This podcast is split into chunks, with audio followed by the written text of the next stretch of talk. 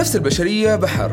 هي سر جواي وجواك وبقدر ما نفسنا قريبة لنا لكن خباياها أكبر منا. معكم مصطفى الحافي وبرنامج غوص.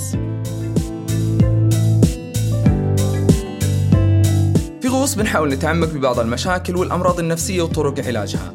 بنروي قصة لأشخاص عانوا من هذه الأمراض وكيف أثرت فيهم وعلى حياتهم.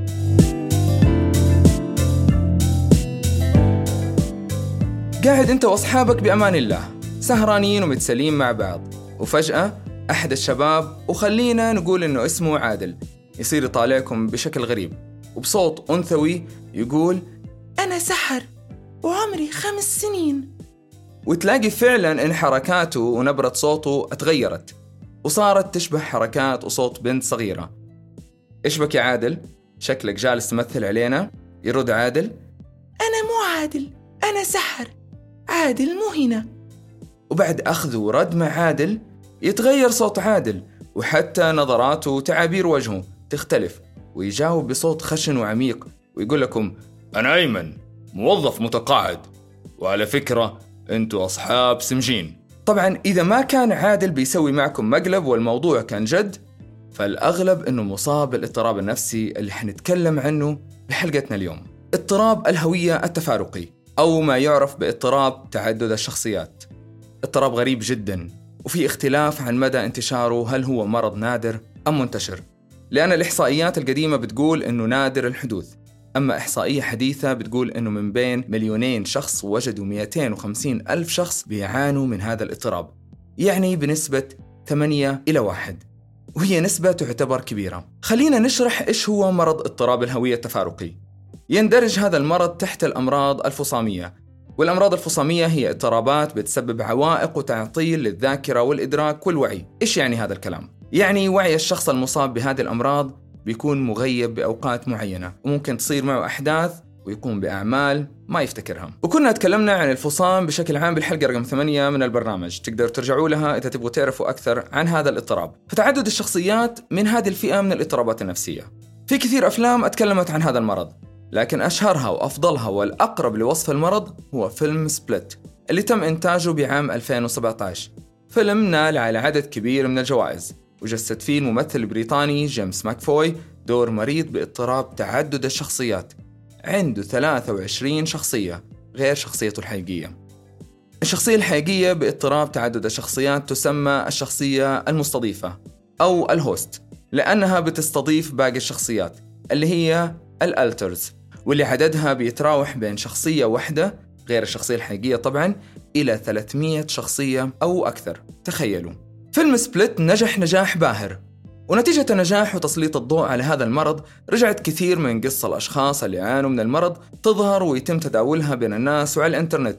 وزاد الاهتمام بمعرفة كيف هذول الأشخاص بيشعروا وكيف يعني يكون في شخصيات ثانية معك ومتى بيظهروا ومن وين بتجي أسمائهم أو أعمارهم أو حتى طريقة كلامهم وطباعهم. وكثير من الأسئلة اللي بتخطر في بال أي أحد بيسمع بهذا المرض. وأصلا هل هالمرض ميزة أو شيء إيجابي أو عبقرية مثلا؟ أو إيش هو بالضبط؟ بالحقيقة هذا المرض بالغالب بيكون نتيجة حدث مأساوي. أو صدمة عاطفية أو نفسية كبيرة بتحدث للمصاب. وعلى الأرجح بمرحلة الطفولة المبكرة أو المراهقة. يعني السبب الغالب هو سبب حزين وقاسي. بيكون المصاب فيه هو الضحية. مثل اعتداء جنسي أو خوف كبير أو اقتراب من الموت أو غيرها من الأسباب الحزينة والسيئة واللي بتكون دخيلة على العقل البشري.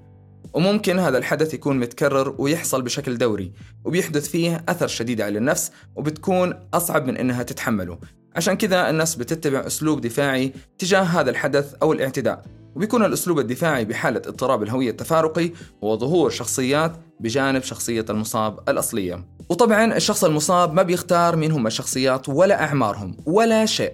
هذه الشخصيات وحسب خصائصها وصفاتها ممكن تحمل الألم أو الذكرى المؤلمة اللي المفروض تتعرض لها الشخصية الأصلية أو تدافع عنها بالمواقف اللي ممكن الشخصية الأصلية تكون ضعيفة فيها.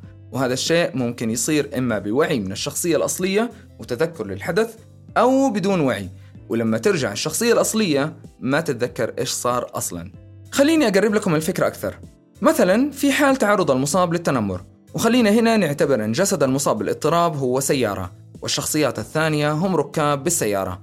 لكن اللي مستلم القيادة حاليا هو الشخصية الأساسية وصار الموقف اللي بيتعرض فيه المصاب للتنمر. ممكن يكون في شخصية بهذه المواقف بتنشط وبتظهر هي على حساب الشخصية الأصلية. وبتركب مكان السائق وبترجع الشخصية الأساسية مكان الركاب. وتبدأ ترد الاعتداء أو بتتصرف بشكل أفضل من الشخصية الأساسية أو حتى ممكن تكون عدوانية وتهجم على المتنمر. ومو ضروري إذا المصاب ذكر تكون الشخصية ذكر لا ممكن تكون أنثى أو أي شيء قطة مثلا أو شبح. الموضوع وغرابته ما وقفت عند كذا وبس. شخصيات ال alters بتستمر مع المصاب خلال حياته وممكن تزيد كمان. وكل فترة تظهر شخصية جديدة ويكون لكل منها هواياتها وطريقتها باللبس. يعني لنفرض أن صديقنا عادل شخص cool وله style باللبس ولما نام وصحى ظهرت شخصية أيمن وهو اللي استلم قيادة السيارة اللي هي الجسد بمثالنا. فأيمن وكونه شخص كبير بالعمر ومتقاعد ممكن يفرض أسلوب لبسه على المصاب أو لا حسب قوة الشخصية وأسلوب تعاملها. والشخصيات ممكن تسمع بعضها البعض وتظهر وتختفي بسلاسة أو تكون معزولة وما تظهر نهائيا لكن المصاب بيعرف بوجودها وبيسمعها. وممكن شخصية من الألترز ما تستلم الجسد إلا مرة أو مرتين أو حتى ولا مرة بالعمر.